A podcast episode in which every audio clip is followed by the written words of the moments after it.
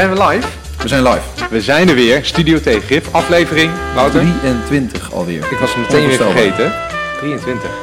Lekker. Ik was er vorige keer niet. Ehm, klonk goed jongens. Was gezellig met Sebastiaan. Zeker. Was heel gezellig. Wie was er ook weer? Ja, ik, eh, vond vooral, ik heb vooral veel geleerd. Dat heb ik nooit zo vaak bij uh, CUT Over OV. Over het OV, ja.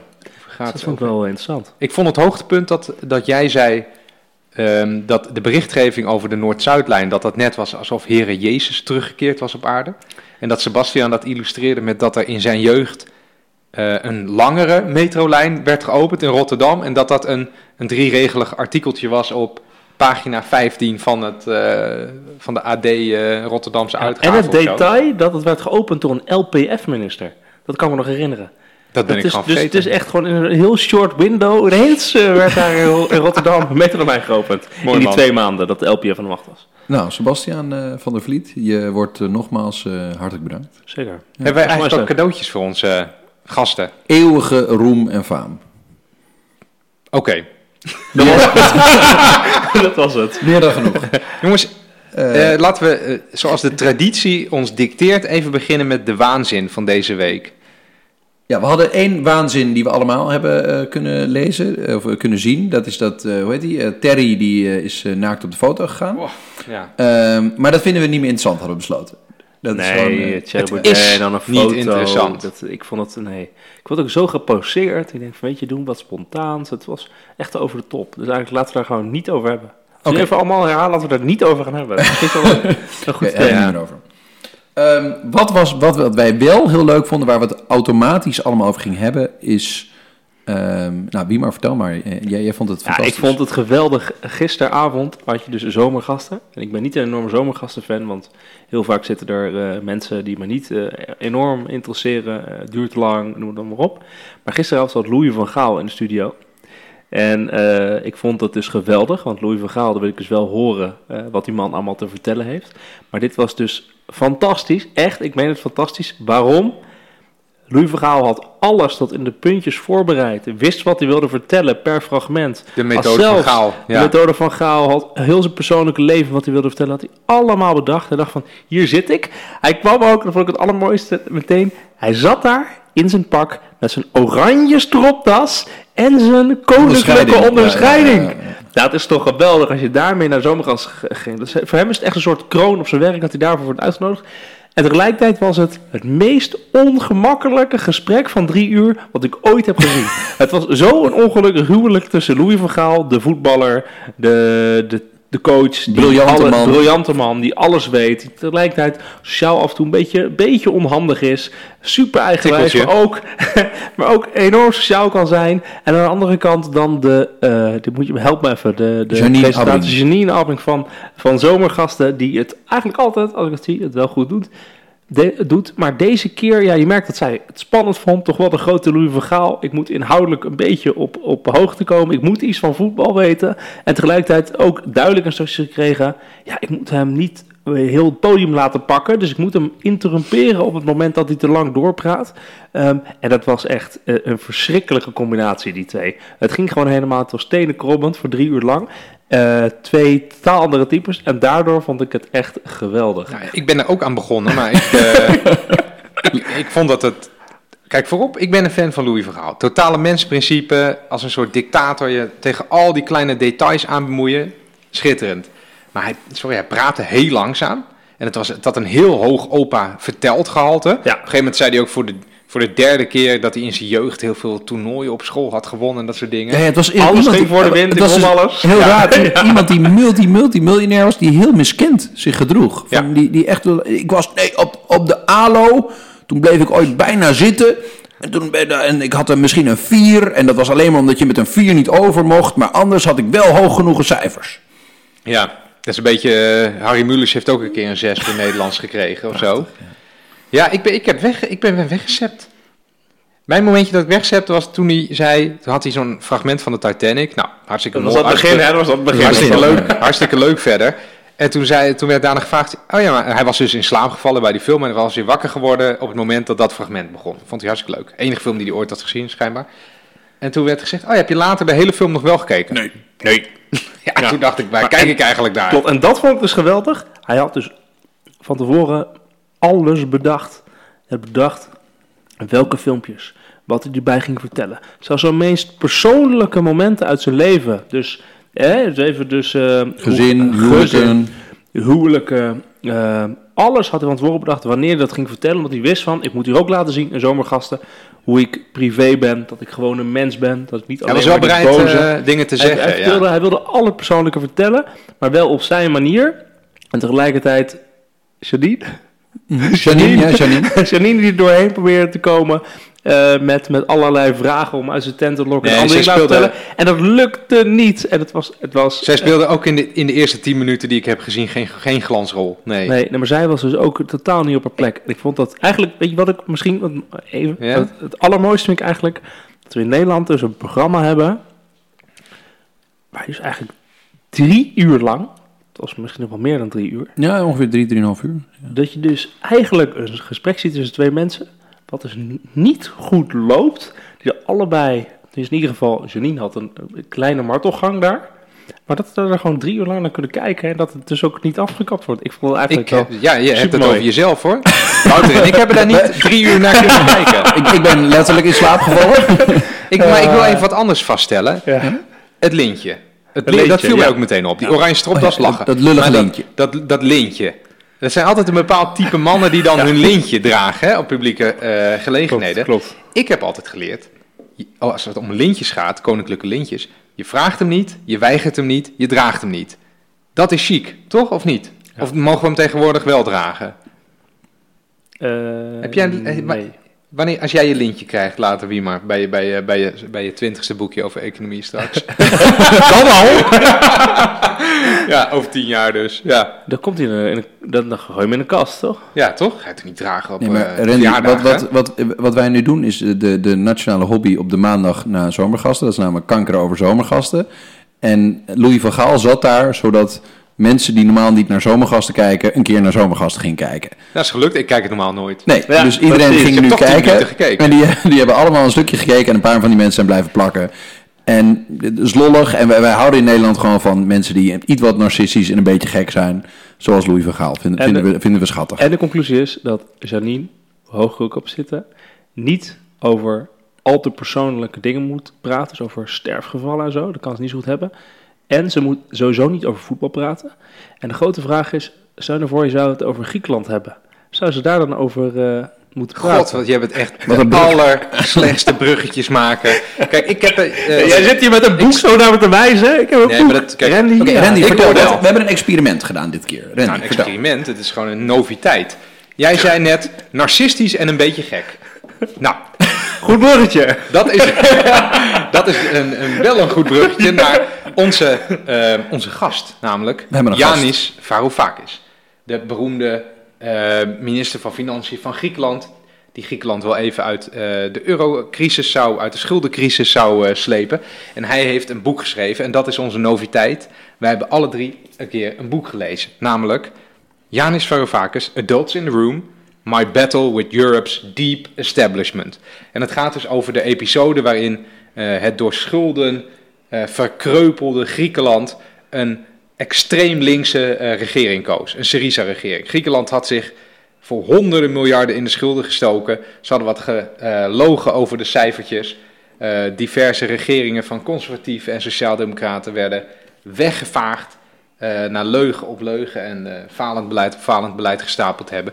En toen kwam de linkse hoop van Europa, Syriza, aan de macht. Oké, vertel. Wanneer, wanneer, even bij het begin beginnen. Wanneer gebeurde dat precies? Dit was in januari 2015. Oké, ja. Eh, Griekenland eh etterde toen al voort met de, de bekende bail-outs van eh, steeds eh, honderden miljarden. Ja.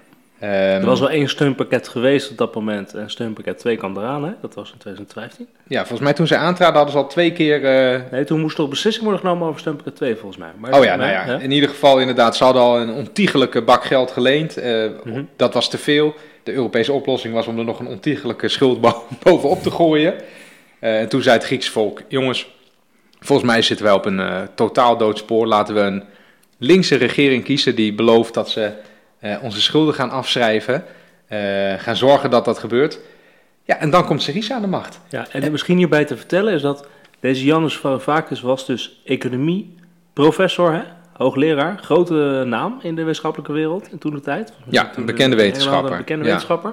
Hij is dus uiteindelijk minister geweest. Hoeveel maanden? Vier, vijf of zo? Zes of zo. Heel Vijf, kort. zes. Heel kort. Ja. Hij heeft dus een boek over geschreven. Hij heeft, hij, eh, als je het leest, eh, kan je wel zeggen dat hij enigszins eh, eh, veel vertrouwen heeft in zichzelf. Hè? Dus hij heeft wel... Nou kijk, wat maakt, dat is goed dat je dat Misschien zegt. even een Ja. beetje af. Randy, waarom wilde jij dit boek in de eerste plaats zo graag lezen? Nou, kijk, ik noemde hem al een beetje een narcistisch gek. Dat is een beetje, Ja. dat is het publieke imago dat van hem is neergezet. Ehm, wat ik niet wil zeggen is dat hij de waarheid in pacht heeft. Wat dit boek zo interessant maakt is dat hij heeft bijvoorbeeld al die Eurogroep-vergaderingen heeft hij gewoon opgenomen op Stiekem. zijn iPhone. Stiekemert. Hij noemt gewoon alles in dit boek. Hij noemt alles en iedereen. Ambtenaren bij naam. Nou, Ja. wij, eh, kijk naar jou Wiemar, we hebben ook wel in het economische wereldje rondgelopen. Ik herken gewoon allemaal namen van mensen die je wel eens...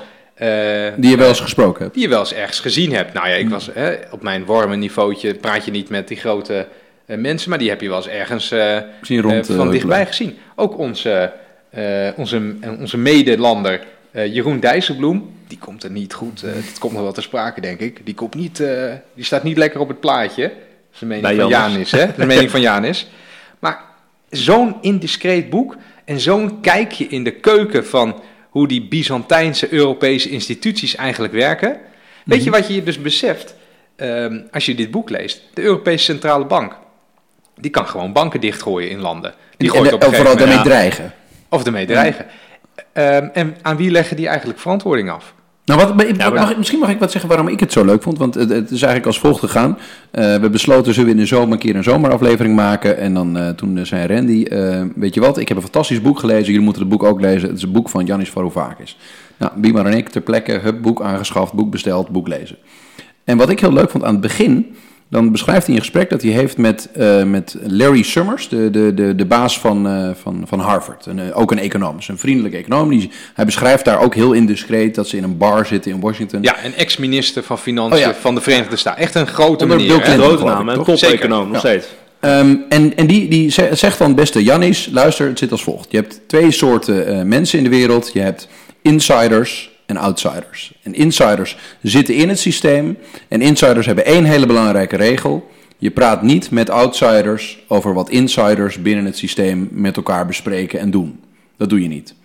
En je hebt outsiders, die zitten buiten het systeem en die weten niet hoe het werkt. En dat is prima en zo werkt En die het krijgen niks te horen. En die krijgen nooit te horen wat er precies gebeurt. En Ja. wa- waarom dit boek zo, en dat begrijpt hij dus aan het begin van het boek. En wat hij dus de rest van het boek doet, is zeggen: jongens, ik was een insider. Ik ben nu bewust een outsider geworden, maar ik ga alles vertellen van wat er aan Ja. de binnenkant gebeurt. Dit is letterlijk eh, een boekje open doen. Hè? Hij vertelt hier gewoon alles wat hij, wat hij heeft meegemaakt. En het mooie is dat hij dus zelf ook heel goed doorheeft. Dat hij een outsider is in het boek. Dat vertelt hij ook. Hè, van, hij is in de wetenschappelijke wereld is hij een insider. Heeft hij ook een naam. Eh, hij probeert steeds meer in die politiek te komen. Hij is dus best wel een hele bekende Griek op dat moment. Hè, met een heel anti-verhaal tegen hoe gaan we om met de Griekse eh, schulden. En hij wordt dus gekozen, dat is ook wel grappig om te zeggen. Hij wordt dus gekozen met de allermeeste stemmen. ehm, Met eh, honderdduizenden ja, volgens mij voorkeurstemmen. 150.000 of 200.000 voorkeurstemmen. Ja. Dus het eerste gekozen naast, na de lijsttrekkers van de, van de partijen. Dus hij heeft een enorme, eh, als outsider, een enorme, noem dat dan, democratisch mandaat om als insider op te gaan treden. En vervolgens laat hij gewoon, hè, als het allemaal gefaald is, als hij op moet stappen, gaat hij dus gewoon allemaal Nou ja. opschrijven. En dat is dus fenomenaal, want het is gewoon echt tegen alle, alle informele eh, regels in. Maar dat doet. moeten we dus Alle. nog wel even noemen voor de, voor de luisteraar. Waarom Ja? het zo interessant is ehm, om terug te kijken. Het is dus totaal mislukt. De missie waarmee hij eh, op pad gestuurd is door de kiezer om schuldenverlichting eh, voor Griekenland te bereiken, totaal mislukt. Uiteindelijk accepteren ze dan de, de tweede of de derde eh bail-out. Weer een nieuwe lening erbij. Weer allemaal ehm, eh, eh, bezuinigingen die Griekenland helemaal niet kan hebben. Want hoe kwamen we hier nou bij? Er waren ehm, vorige week of een paar weken geleden waren er allemaal bosbranden in Ja, klopt, Griekenland. En wat was toen in het nieuws? Eh 30, 40 procent van de brandweerauto's die deden het gewoon niet. De brandweermensen waren niet. nee, die hadden al tijden geen loon ontvangen. ja, dat was ook precies. Nou, ik weet niet of de waterrekening wel betaald was. Het kwam er in ieder geval op neer. Tientallen mensen zijn omgekomen in het vuur.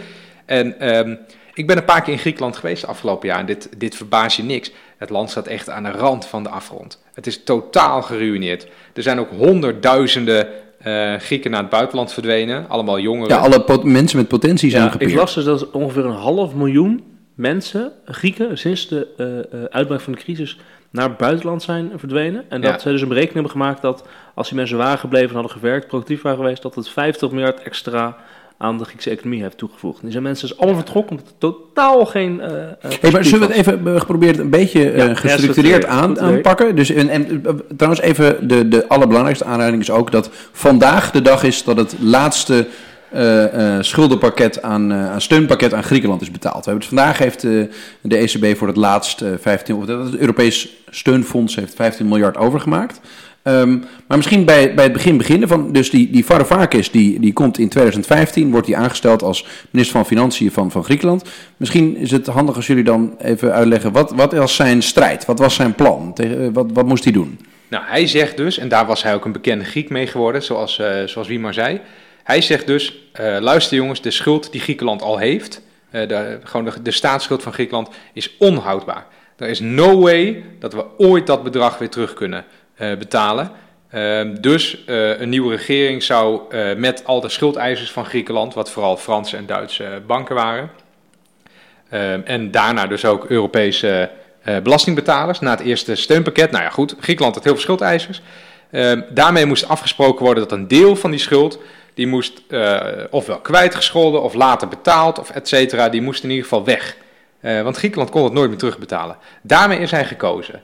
Dat was de boodschap die hij voor de verkiezingen al uitte. En Dus die, die, die Grieken gingen allemaal op hem stemmen. En hij zei, jongens, we gaan die schulden gewoon niet allemaal terugbetalen. Punt. Ja, ja, daar komt het op neer. Ja. En toen?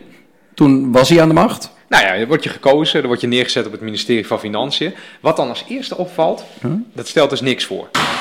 oh, de deur, slaat iemand meteen eh, de deur dicht. Ja.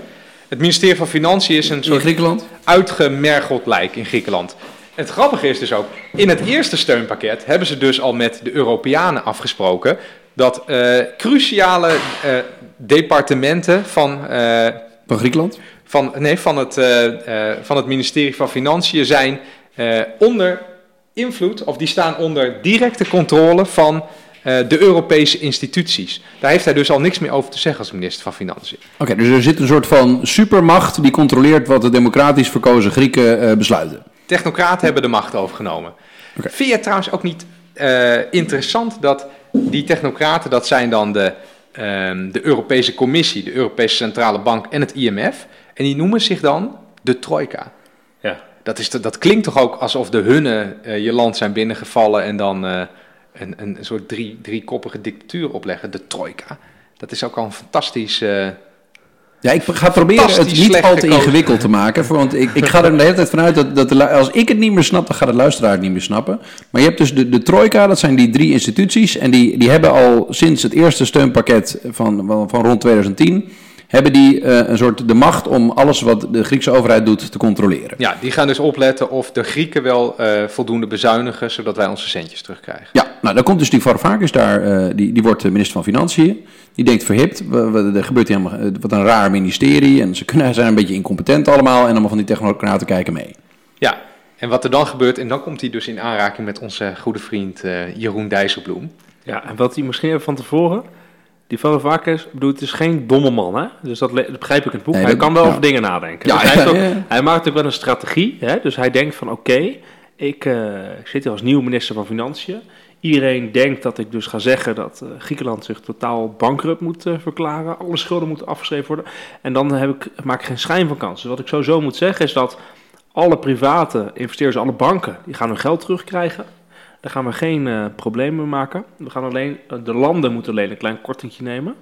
Eh, Mhm. En hij zegt van, en we moeten afspreken dat op het moment dat we, dat we als Griekenland alleen maar terug kunnen betalen op het moment dat het goed gaat met de economie. Gaat het slecht zoals nu, dan moeten we tijdelijk niet terugbetalen. Zo zit hij erin. Hè? Dus hij, hij heeft een zin- plan, hij, heeft, hij heeft een plan.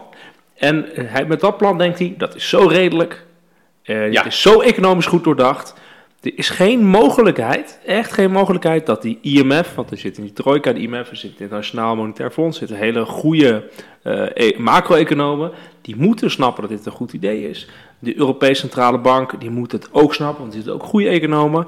En die Europese Commissie en die Eurogroep, ja, die willen het ook alleen maar geld terug. En die willen niet een kapotte Europese economie. Dus voor hen is het ook alleen maar goed. Dus zo, zo gaat hij Ja. erin. En dan, komt hij, dan komt hij, Ja. als ik even iets mag voorlezen, dan komt hij dus bij de Eurogroep. Dat is een vergadering van 17 ministers van Financiën die eens in de zoveel tijd bij elkaar komen. Ja, en die bepalen eigenlijk ehm, het, het economisch beleid van de eurozone. Ja, nogal belangrijk. Dan komt hij daar. En dan zegt eh, de minister van Financiën van Duitsland, Wolfgang Schäuble... Ja, Klinkt, die- die- dat is de minister onder eh, Merkel. ja, Zegt klinkt ook ja. niet als een vriendelijke man als je het zo hoort. Die zegt, zal ik het in een Duits accent doen? Dat is wel Ja. lollig. Hè? Die zegt, elections cannot be allowed to change economic policy.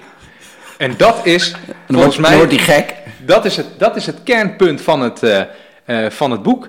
Dat, ehm, hij komt daar met zijn superredelijke plan. Ehm, dat de Grieken het ook niet terug kunnen betalen, dat kun je ook gerust als een, als een, feit, eh, als een feit aannemen. Hij komt daar en iedereen zegt: Janus, je bent een aardige vent. En je hebt ook gewoon gelijk. Hè? Het is ook belachelijk. Maar nee, we kunnen helemaal niets voor je doen. Helemaal niets. Dan komt hij bij de Europese Centrale Bank en die zegt dan: Ja, by the way, ehm, ja, we gaan jullie banken dichtgooien. Over een maand. Nee, dat, Want, dat, eh, dat dreigen ze daarmee, toch?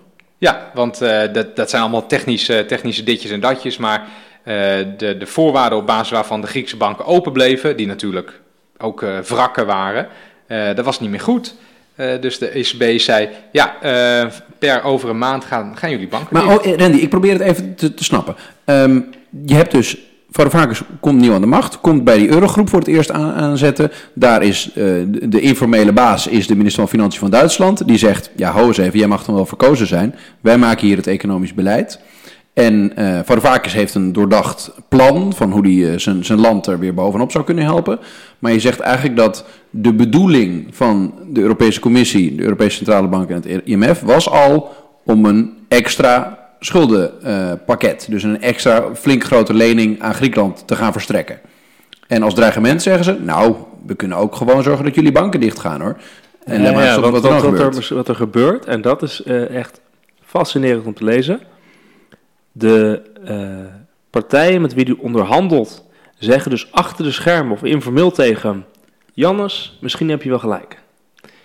Inhoudelijk zou je gelijk hebben. En tegelijkertijd officieel voor de schermen zeggen ze allemaal, wij gaan niet heronderhandelen over dat eerste en tweede steunpakket. We gaan daar geen wijzigingen aan aanbrengen, want het is één, politiek niet eh, te verkopen in onze thuislanden.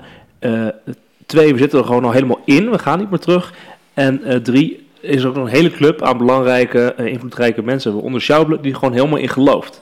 En dat maakt dat boek echt fascinerend om te lezen. En dan zie je dus ook Dijsselbloem de hele tijd terug. En Dijsselbloem komt ehm, niet zo... Hij, hij zou hier een keer op moeten reageren, want hij komt niet zo goed naar voren. Dijsselbloem is dan de, de Ik- ik- voorzitter van de Eurogroep. Jeroen Dijsselbloem komt in eh, september, ook boek. met een boek. Hè? Dat wordt erg leuk. Ja. Oeh, Misschien moeten we die ook gaan lezen. Ja, gaan gaan we gaan lezen. Jeroen, we gaan je boek lezen. Ja. Eh, maar goed, eh, hij wordt dus opgevoerd in dit boek. En Schauble is inderdaad een man met een visie. Nou, hij wil, Schauble wil Griekenland uit de euro drukken. Eh, en eh Dijsselbloem is een beetje de, komt in dit boek een beetje naar voren als de, de uitvoerder van het beleid van Schauble. De loopjongen van Schauble, zou Janis zeggen. En dan Mhm. komt Janis dus, uh, Janus Varoufakis komt dan voor de eerste keer in de eurogroep. Dan zegt Schauble dus, ja, eh, hey, eh, leuk dat je verkiezingen hebt gehad, maar dat kan niks veranderen. En dan zegt Dijsselbloem, ja, als je een nieuw eh, voorstel had willen indienen, de deadline daarvoor is al verstreken. Dus dat kan niet, helaas, jammer. En dat is een beetje de rol van Dijsselbloem. Die zit de hele tijd eh, op de procedures. Dat komt ook nog terug in het boek. Op een gegeven moment Mhm. dan moeten ze dus, hebben ze dus wel eh, met wat powerplay geregeld dat ze nieuwe voorstellen mogen indienen. Nou, dat moest dan op eh, die en die datum 12 uur s'nachts. Dat versturen ze dan drie over s'nachts, 12. En dan eh, Dan zegt Dijsselbloem, te laat, je hebt de deadline gemist. Ja, dit is wel mooi. Dit is precies wat jij zei aan het begin, Wouter. Ja. Dit is dus de insiders tegen de outsiders. Hè? Ja. De insiders weten de regels. Je moet je daar precies aan houden. Eh, en als outsider, ja, hij, hij doet het inderdaad. Maar dus eigenlijk wa- wat het laat zien is dat die insiders die spelen met elkaar een soort spel. ehm, waarbij het gewoon een soort van eh, technocratisch armpje drukken is. Ja, En daarnaast hebben we een theaterstukje dat we af en toe voor de bühne opvoeren van wat er aan het gebeuren is. ja, wat ik en dat dus- mag iedereen zelf verzinnen, hoe die Wat theaterstuk ik dus speelt. het meest fascinerende gedeelte uit dit boek vind, en ik weet dus niet wat er, weet je, het is natuurlijk één kant van de waarheid, hè. Maar wat ik dus het meest fascinerende vind, is dus niet zozeer dat de eurogroep, waar dus allemaal ministers van Financiën zitten van alle verschillende landen, dat die dus op deze manier acteert, want je weet dat Duitsland daar een grote macht is en je weet dat ze dit, dit beleid willen. Wat ik fascinerend vond, is de gesprekken die hij heeft met de Europese Centrale Bank. De Europese Centrale Bank, in dit geval heeft de voorzitter natuurlijk, de, de president is Mario Draghi. Die, eh daarin zie je dus dat de ECB met hun middelen alles doet om dus die eurogroep eh, te steunen. Dus zij gaan dus zeggen, als jij het steunpakket niet uitvoert, als je de maatregelen niet uitvoert die de trojka heeft opgelegd, dan stoppen we gewoon jouw banken. Dan krijgen jouw banken geen financiering meer. Dan Wat, komt wat geen betekent dat als je banken geen... Oké, ja. als je krijg je, de me- mensen krijgen geen geld meer uit de muur. Die kunnen gewoon, dus denken dat ze geld de bank hebben maar die kunnen het niet uithalen. Dan krijgen ze een bankrun, krijgen ze enorme eh, chaos in je land. Eh, de eh, bedrijven kunnen geen leningen krijgen, dus geen economische groei. Als er geen geld is in je land, dan houdt het zeg maar die zin op. En je ziet gewoon dat de ECB eh, vanuit zijn optiek dus gewoon eh, de eurogroep steunt. En dat is het fascinerende wat ik heb gezien van, ja, ik dacht dus dat de ECB dat hij een eigen onafhankelijke positie hebt. Maar op het moment dat je dit leest, denk je, nou, dat, is niet, dat is niet waar. Wat je hier ziet, is dat gewoon de, de, de, de eurogroep en de ECB, dat die gewoon eh, eh, twee handen op één buik zijn. En dat vond ik zo, dat vond ik echt fascinerend om te lezen. Ja, ik vond het, ik kon me er een beetje boos over maken, want technocratie vind ik altijd wel een thema. Ja. Eh, dat, is een, dat, is, dat ondermijnt de democratie in mijn ogen. En als ik dan zie hoe de ECB, wat voor macht die hebben, inderdaad hebben. Want eh, wat Wiemer zegt, dat dichtgooien van die banken, dat er niet meer, gewoon niet meer gepind kan worden. Dat- Ze hebben dat een beetje gedaan, hè? Nou, nee, moment- ze hebben het gedaan op Cyprus. Ja. Eh, dat was vlak voordat Syriza aan de macht kwam. Die, die mensen in Griekenland die zagen dat natuurlijk als een schot voor de boeg voor hun. Toen Syriza aan de macht kwam, zeiden ze dus meteen wat ik net zei. Jongens, over een maand houdt het op voor jullie. Eh, dat wordt ook gezien als eh, de boel onder druk zetten. En inderdaad, eh, Mario Draghi lijkt dan te luisteren naar, naar Duitsland, een Ja. beetje naar Frankrijk. In ieder geval niet naar de kleine landen. En zeker niet naar Griekenland. Ja, dan heb je een onafhankelijke centrale bank. Maar natuurlijk luisteren die heus wel naar iemand. Maar naar wie dan? Ja, dat, dat is- is, dat- allemaal aan het zicht ontrokken. Dat is ook fascinerend. Joris Varoufakis heeft, een bank, heeft met de Europese Centrale Bank een gesprek met het bestuur. Hij heeft volgens mij uit mijn hoofd een gesprek met vier mensen of vijf mensen. Ja, met, Waarvan eh, dus nou ja, ze twee. Duitsers. Oké. Dus de Duitsers zitten ook echt met grote macht in het bestuur van de Europese Centrale Bank. Gaan er dus ook vanuit, terwijl ze bij de, in de ECB zitten, in het bestuur, gaan ze dus praten over ja, die steunpakketten en die hervormingen die jullie moeten doorvoeren. Eh, hè, vanuit de eurogroep, dat was je dus afgesproken, dat moeten jullie doen. En dan willen jullie dat niet, ja, dan gaan we inderdaad jullie financiering stopzetten. Dat ik denk, wow, wat is dit? Dat dat dus Hey, jongens, misschien gecoördineerd even- eh, Ik, ik krijg wel eens van mensen die naar onze podcast luisteren het, eh, het verwijt dat ze het eh, of heel leuk vinden omdat het allemaal zo schattig met elkaar eens zijn, maar mensen die, zijn ook mensen die het minder leuk vinden die zeggen, ja, jullie zitten eigenlijk in een soort echokamer het met elkaar eens te zijn. Ehm, Lekker man. eh, de- de- is het niet ook zo dat wat we nu negatief technocratisch bestuur kunnen noemen, dat het vrij rationaliseerbaar was dat de leningen die aan Griekenland gedaan waren, dat die zo cruciaal waren voor de stabiliteit binnen de eurozone, dat er eigenlijk maar één optie was. Dat was een extra lening aan Griekenland met een aantal maatregelen die de Griekse regering door moest voeren. ehm, om te zorgen dat de eh, balansen van grote Europese eh, banken niet te zwaar onder druk kwamen te staan. Waardoor die crisis zich nog verder verspreid had naar Italië, eh, Spanje en Frankrijk. eh, nog veel crucialere landen voor de stabiliteit van onze gehele economie. Dus dat bij de ECB, eh, zoals jullie zeggen, misschien te veel geluisterd wordt naar, naar Duitse of Franse politici. Maar dat er ook gewoon een, een weloverwogen keuze is gemaakt. Dat er één landje is dat helaas de pineut is. En, eh, en zoals uh, Varoufakis het noemt, Belautistan mag worden. En gewoon volgepompt wordt met schulden en eeuwig leningen mag afsluiten. En de rest van de, het bestaan in de, in de rentes van die leningen mag gaan betalen. Maar dat dat jammer is, maar omdat de meerderheid van de Europeanen een stabiele economie mag leven, is het nou even nodig. Ja, jij bedoelt misschien is Griekenland opgeofferd voor de stabiliteit. Ja, dat, dat is eigenlijk ook wat ik ook wel denk. Dat, dat op een gegeven moment de rationele keuze gemaakt is. Ja, helaas moeten we dit land opofferen en pompen we vol met schulden. is Jammer de bammer. Wel wat een interessante vraag is dan, is het een rationele keus vanuit de optiek van de meest eh, machtige landen in Europa? Of is het een rationele keus bekeken vanuit de hele Europese economie? Dat is wel allemaal een groot... Ik denk dat die, hand, die gaan hand in hand met elkaar. Nee, want nou, ja, dat, zou, dat weet ik niet, zo is. Maar bijvoorbeeld, in het begin zei ik niet voor niks, die Varoufakis heeft er zo over nagedacht. Hè? Die heeft dus bedacht van, inderdaad, op het moment dat ik de banken van Frankrijk en Duitsland dat afschrijven, moet laten afschrijven op hun leningen aan ons, eh, dan eh, is, breekt de chaos uit. Dus dat ga ik niet doen. Het gaat alleen om de eh, delen die dus via de ECB of via de landen bij ons binnenkomen, via de belastingbetalers. Dus niet, niet op de banken. Want ja, dan krijg je een Ja, grote ik ga niet chaos ik Europese... ga niet Duitsland in de problemen brengen. Nee. Dat snapt hij nog wel. Dus daar Ja. is wel over nagedacht. Ehm, Maar hij had dus niet gedacht aan dat de insiders allemaal ook het theaterstukje voor zichzelf zouden moeten kunnen uitleggen. En hoe kan je als insider uit al die andere landen uitleggen van... ja, nee, die eh, banken die in 2008 een immense crisis hebben veroorzaakt... de schulden eh, die Griekenland bij hen heeft, die gaan we niet kwijtschelden. Maar u, beste belastingbetaler, eh, moet een gedeelte van uw belasting gewoon geven aan het redden van een failed state... eh, omdat wij onze bankjes de hele tijd geld laten uitlenen aan deze failed state. Ja. Dat is niet uit te leggen. Dat, dat is nee, waarom je... dat is een politiek argument. Hè? Ja, dat is waar... Dus dat is misschien geen economisch argument, het is een politiek argument. Dat ben ik met je eens. Hè? Die- Dus die- snap die argumentatie ook heel goed. Alleen ehm, eh, economisch kan je afvragen: hey, ehm, hoe komt het dat we maar door blijven gaan op een toch wel keer op keer bewezen, niet werkend eh, medicijn voor Griekenland? Nou, dat werkt dus prima. pakketten. Hoe werkt het dan prima? Vanuit Niet het oogpunt van Frankrijk. Vanuit het Ja, oogpunt van- van- van- Frankrijk, van- Duitsland. eh, nee. 300 miljoen. Europeanen die ten noorden van de Alpen ja, wonen. precies, precies. Ja, maar dat ben ik, dus- daar vroeg ik eigenlijk het begin van. Is het rationeel vanuit de machtige landen gezien? Of is het rationeel gezien vanuit ik- de positie van Griekenland? Ik denk de dat jij gelijk hebt, Wouter. Want een van de vragen die, die ik had bij het boek, eh, die ik had opgeschreven voor deze podcast, is: waarom gaan al die instituties, waarom gaat iedereen maar door met doen alsof? Doen alsof dit, hè, alsof dit wel gaat, alsof dit wel goed komt. Ja, misschien omdat het toch gewoon één land opgeofferd is. Voor Ja, het is gewoon eh, wel overbewogen het eigen belang.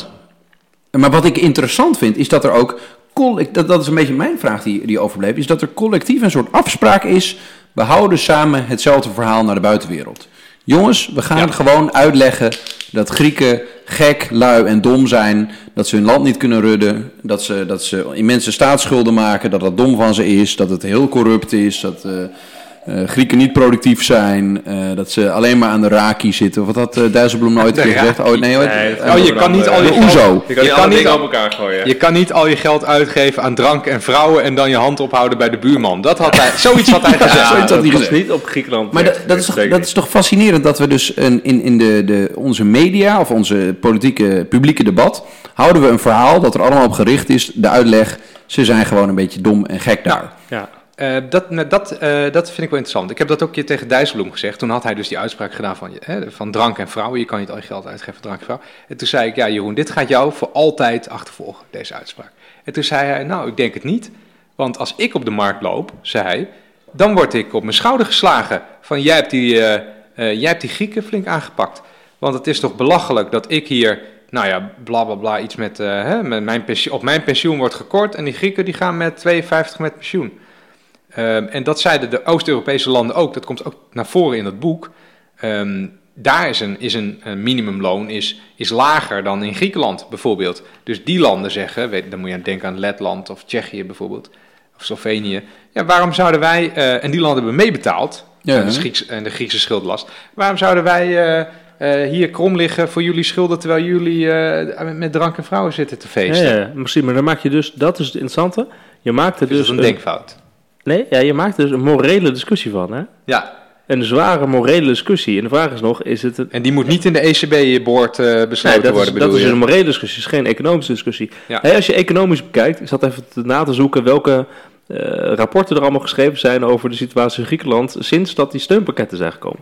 Het mooiste is dat natuurlijk in die trojka zit dus de IMF, Internationaal Monetair Fonds. Daar zitten in die zin objectieve economen, want die, wordt niet, die hebben geen politieke achterban in die zin, of een minister die zijn achterbroek aan zit, je moet iets vinden. Het, het, IM, even het, het IMF, was het IMF ongeveer? Internationaal Monetair Ja, de- Fonds, dus wat een, doen die? eh, Een zeg maar, grote internationale grote bank. internationale bank waar de landen geld in stoppen. En zij moeten dus op het moment dat... Die eh, helpen landen die in de problemen ja, zitten. Landen die, die failliet zijn of financiële problemen, dat worden de IMF gered. Het IMF gaat dan objectief bekijken, ben jij te redden als land eh, door de economische denktank en wat voor pakket moeten we dan doen. Het IMF heeft al sinds 2000, eh beginnen in 2013, hebben zelf al gezegd, het hele pakket wat we aan Griekenland hebben gegeven, dat kan eigenlijk niet, is veel te streng, maakt het kapot. Eh, de schuldenlast is veel te hoog, is gewoon objectief, economisch gezien niet houdbaar. Dit moet afgeschreven worden, want het land kan het nooit terugbetalen. Dat hebben ze de hele tijd herhaald. De hele tijd. En het eind van de rit is er nooit naar ze geluisterd. Nooit. Waarom? Dit was dus geen economische discussie. Dit was een morele of een politieke discussie. Precies zoals jij zegt, Wouter. Er waren gewoon belangen. Eh, belangen voor Griekse banken, voor, eh, voor Franse banken, eh, Duitse banken. banken. Ehm, dat waren de belangen en die werden vervolgens ingepakt met, met een politiek of een moreel verhaal. Lui Grieken. Ze hebben ons allemaal bedrogen. Ja, en Eh, dat is waar het misgaat, eh, vind Eh, ik. ze- en, en dat is dus interessant, terwijl je ziet dat, dat al die, ook alle verwachtingen die dus de, de trojka had over, Mhm. over Griekenland, die waren allemaal helemaal fout, economisch gezien. Hè? Dus wat programma's- iets? Nou, ze zeiden bijvoorbeeld, weet je, we hebben nu een steunpakket en in het jaar 2013, dit pakket gaat ervoor zorgen dat er weer vertrouwen is in Griekenland, dat de groei weer terugkomt. Ehm, en we verwachten dat de, bijvoorbeeld de werkloosheid in 2013 dat die ongeveer 15% zal zijn. Wat er uitkwam is dat de eh, werkloosheid 25% was. Of eigenlijk 27% als ik teruglees. Heeft niemand dus het meer dan 12 procentpunt hoger. Dus economisch klopte er geen zak van wat er werd eh, gezegd. Er werd ook gezegd dat de Griekse schuld zou stabiliseren op 130% van het bruto binnenlands product. De schuld van Griekenland is nu 180% van het bruto binnenlands product.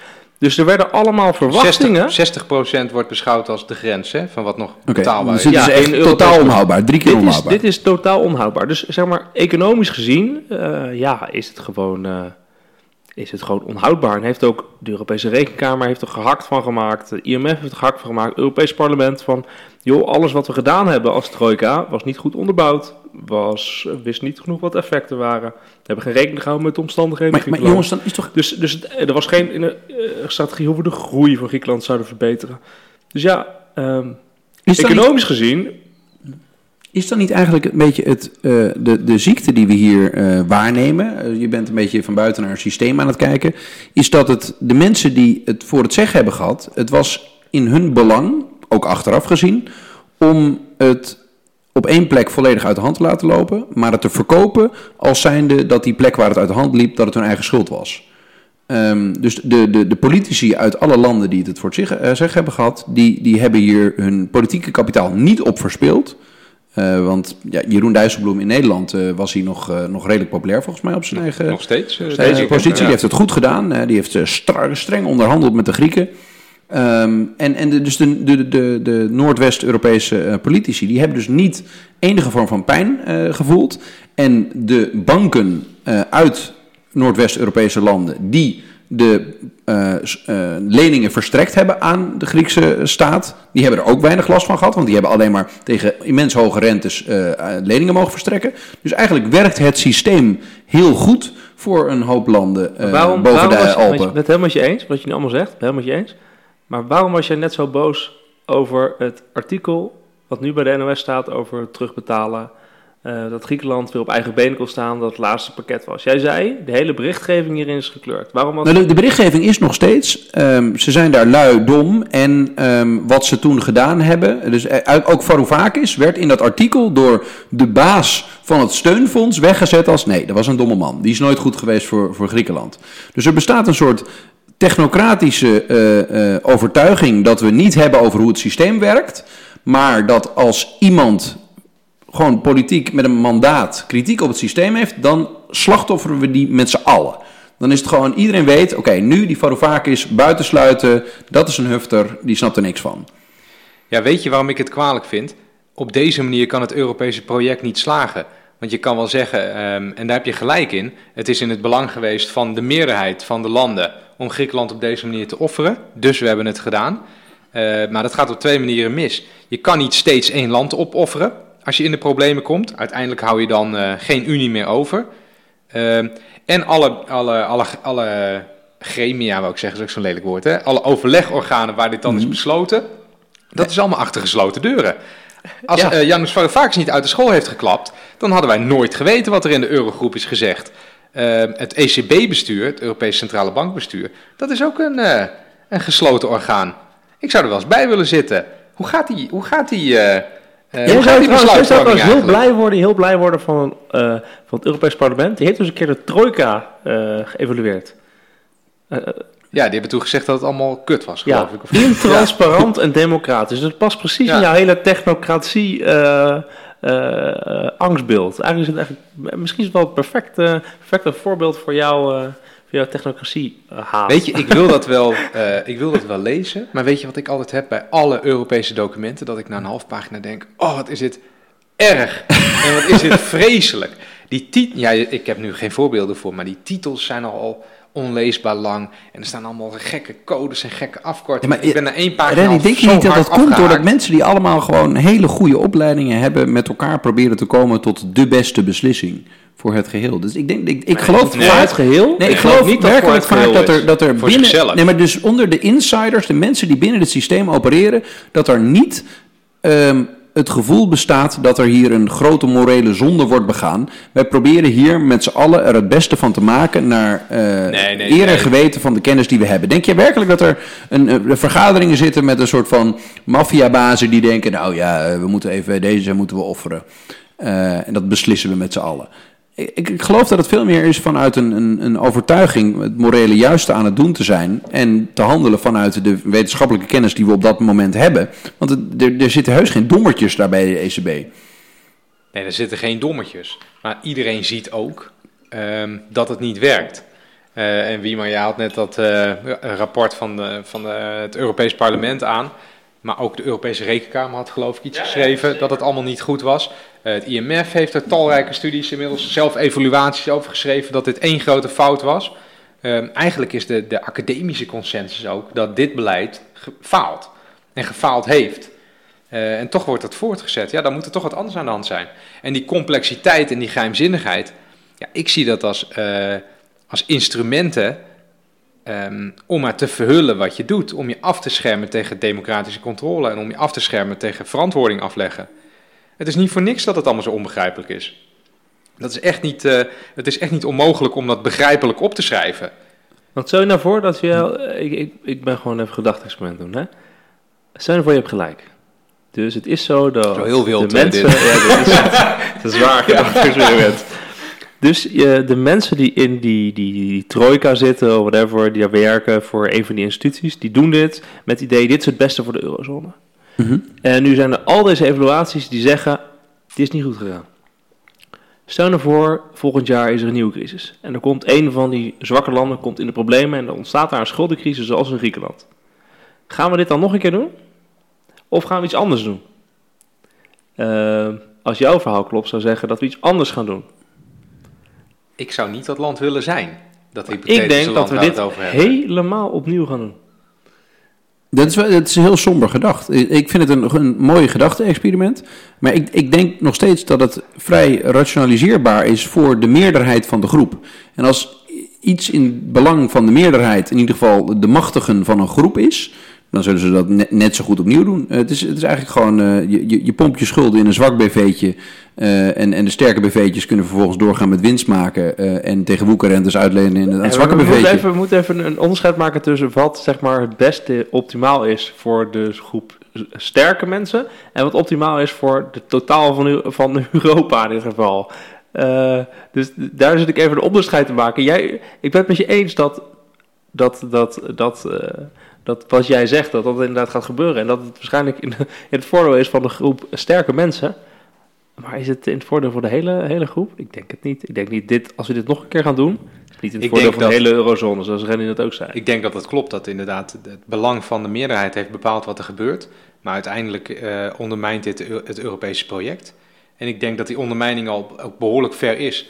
Want je ziet dat in Griekenland nu, eh, of in Italië, sorry, ik begin ze allemaal door elkaar te halen nu. Mhm. eh, een, een echt sterk anti-Europa-regering aan de macht is gekomen.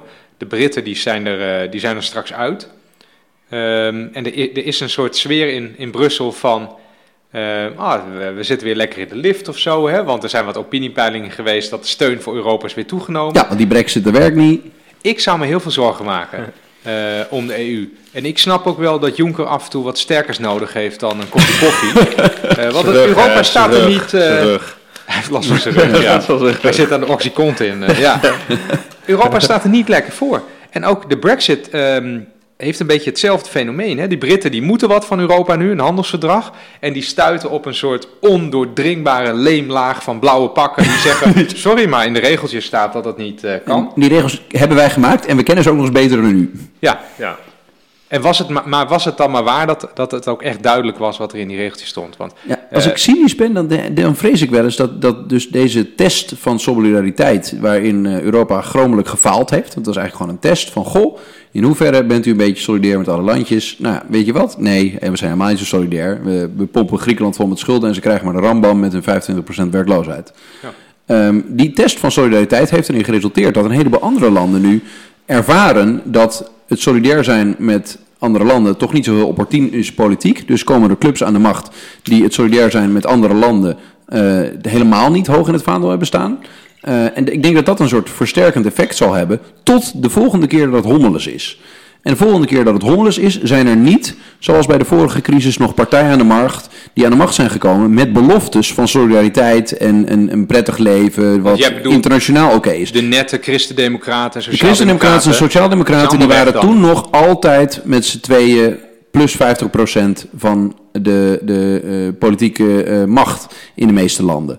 Die zullen dan in immens versplinterde landschappen niet meer plus 50% van de, eh, de macht zijn. Dus de, de, de, de technocratische ambtenaren die nog steeds voortkomen vanuit jarenlange sociaaldemocratische en christendemocratische eh, macht, die zullen dan alleen staan ten opzichte van politici die solidariteit helemaal niet meer zo hoog in het vaandel hebben. Nee, En dan wordt het echt hommeles. Ze staan niet alleen, hè? want wat ze eh, als backup hebben is de banken en de grote partijen. Een van de meest interessante situaties natuurlijk uit Griekenland is dat je gooit een land vol met schulden. Die blijken dat uiteindelijk niet terug te kunnen betalen, maar de personen Dan die leen je gewoon nog meer uit. de, schuld, de personen die de schulden hebben geleverd, dus de banken, die hebben in dit hele verhaal nul verlies geleden. Niks, die hebben alles Die teruggekregen. hebben er heel veel aan verdiend trouwens. Sterker nog, die hebben eraan verdiend, want dat hele Europees stabiliteitsmechanisme, dat fonds zeg maar, wat die eerste, tweede, Ja, derde die lening heeft verstrekt. Ja. dat is, weet je hoe die het opgebracht is? Door banken. dus, de- en gebackupt door de staat. Nee, maar dus stop. terwijl de, de, de alle eh, eh, schulden van Griekenland die ze hadden, worden gewoon terugbetaald. En alle nieuwe schulden worden ook gegenereerd door banken en worden daarvoor terugbetaald. En twee keer gebackupt door de Eurogroep en alle Europese staten. Ja, dat is toch bizar? Jij hebt gelijk. De- Jij hebt gelijk. De Europese belastingbetaler draagt de risico's en draagt de verliezen. En de bankjes verdienen het banken geld. verdienen of het nou goed of gaat, of het nou slecht gaat, de banken verdienen. Ja. Dat is een punt. Maar wat Wouter net zegt, eh, dat vind ik ook wel heel interessant. Want in Nederland, ehm, laat ik even herhalen wat je zei. Jij zei, die mensen die dit gesteund hebben, de nette christendemocraten, sociaaldemocraten, die zijn er straks niet meer als dit nog een keer gebeurt. Ja. Hoe ging dat in Nederland toen dat Griekse steunpakket moest worden gegeven? Rutte 1 was aan de macht. Met de gedoogconstructie eh, met de PVV. De PVV weigerde dit te steunen. Want er moest in het Nederlands parlement gewoon ook echt gestemd worden over gaan we de Grieken deze miljarden lenen. Wat gebeurde er toen? Nou, de VVD was voor, want die waren de, in de regering. Eh, het CDA was voor, die zaten ook in de regering. De PVV, die deed dus niet mee, dus er was geen meerderheid. Wie heeft toen de dag gerecht, gered? Dat was Job Cohen van de Partij van Arbeid. Die Ja. hebben toen eh, dat steunpakket gesteund. Eh, en hoe gaat dat de volgende keer? Als daar dan sociaaldemocraten met vijf zeteltjes zitten, doen dat niet meer. christendemocraten met negen zeteltjes en voor de rest alleen maar anti-EU-partijen, ja, dan stort het kaartenhuis gewoon in, denk ik. En ik denk ook niet dat Mario Draghi dan nog binnen de mogelijkheden die hij heeft. eh, Maar dit heeft ook, is wel, trekken. ik bedoel van, eh, misschien even, ik weet niet of ik dit kan vertellen, maar in het kader van een boekje open doen. Ik werkte op dat moment voor de PvdA-fractie, als sociaal-economisch medewerker. Nou, het wordt, En we er gaan, waren- de insiders Er spreken tot waren u. toen Het wordt in eindelijk 2010, interessant. 2011, 2012 waren natuurlijk gesprekken over de steunpakketten aan Griekenland. Ik weet heel goed, dat ging over het eerste steunpakket en dat we daar overleg over hadden. En uiteindelijk toen werd besloten inderdaad van we gaan het steunen. Plasterk was een financieel woordvoerder. Ik weet heel goed dat er een aantal Kamerleden daar heel veel moeite mee hadden, omdat ze zeiden, dit gaat de Griekse mensen kapot maken. Ja. Partij van de Internationale Solidariteit als PvdA. En wat wordt dit? Dit wordt een verschrikking. En achteraf gaan we met z'n allen zeggen, wat hebben we gedaan? Een van die medewerkers, werd er heel, of eh, Kamerleden, werd er heel goed dat ze toen na een vergadering aan het bijpraten waren. Dat was Meerte Hilkens, die daarna eh, Ja. uit die partij is gestapt. Gedesillusioneerd. Helemaal eh, eh, kapot dat dit gebeurde. Want die zei van ja, dit, dit Kan je niet maken. Alle, dat kan je niet maken. Dit En wat is alleen jij- maar om de wat banken vond- te redden. vond jij wil- ja, precies. Vol, vol op de Professor Dr. eh, Bolhuis. Wat Wat was zei professor Dr. Bolhuis? toen de tijd? Eh, ik eh, dacht, eh, hier gaan we later op terugkijken dat het niet alleen maar eh hoezee is geweest. Nou, dat is eh, ja, heel, heel Dat heb ik met meer te Ik, heb toen ook, ik, ik was toen een keer, kwam ik heel ongelukkig in de Volkskrant met een tweet. Die ik toen iets te onbesuist eh, had uitgestuurd. Toen vergeleek ik namelijk Griekenland met een eh, drugsverslaafde. die niet nog een nieuwe fix moest krijgen. En ik heb me daar altijd, een, en toen kwam ik in de Volkskrant en toen stond er, oh dat kan toch niet, iemand in het landelijk partijbestuur van de PvdA en iemand die bij de Nederlandse bank werkt, daar, daar was ik toen gedetacheerd. Eh, dat kan toch niet dat iemand dat zei, dat stond er ook allemaal bij. Toen dacht ik, god ja, staat ook niet fraai inderdaad. En zo, ik, het, was een, het was gewoon in een gesprek en ik voelde me een beetje lullig over al die tijd. Mhm. Ook richting Griekenland. Het staat ook niet netjes en zo. En het was niet helemaal wat ik wou zeggen. Ik denk dat Griekenland helemaal in de war was. Dat zo'n Randy Martens een kapot maakt. Nee, maar- Who cares inderdaad. Maar wat, wat, Dus voor straf is hij drie keer op vakantie gaan naar Griekenland. precies om het goed te maken. Maar wat treft mijn oog? Eh Varoufakis in dit boek maakt precies dezelfde vergelijking. Ja. Oh. Ik ben even de pagina, Ja, heb ik ja. eh, per ongeluk even dichtgeslagen. Maar die zei, ja Griekenland eh, is een soort, we zijn een soort drugsverslaafden. Een verslaafde en schulden. mensen moeten ophouden met ons drugs te geven nu. En toen dacht ik, ja, dat is toch wel leuk. Jongens, ik we, ben, we, blij dat je vergelijkt met een afronden. enigszins narcistische economieprofessor uit Griekenland die vijf maanden met zijn vakantie is maar dat- dat is- dat nee, is- maar, nee. Maar hij is dat een is- briljant, briljant schrijver. Dat is de karaktermoord. En hij maakt, hij maakt geweldige, echt, nee, eh, klopt. Hij, maakt, hij schrijft geweldig op en hij heeft hele goede metaforen. Weet je dat ik dit boek voor mijn verjaardag heb gekregen en het is dus echt 530 pagina's zo. En ik heb heel lang gedacht, het heeft heel lang in de kast gestaan. Ik dacht, man, man, man, moet ik hier doorheen eh, komen? Het leest echt als een zonnetje. Ja, als een dit- thriller. leest. Heerlijk. Dit is de allerbeste, meest serieus, de allerbeste politieke of economische thriller die ik ooit heb gelezen.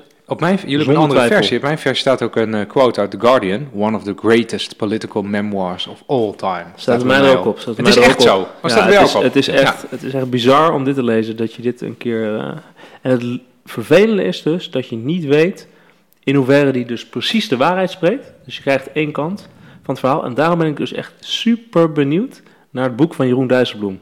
In september gaan, gaat de Studio Tegengif Boekbespreekclub verder.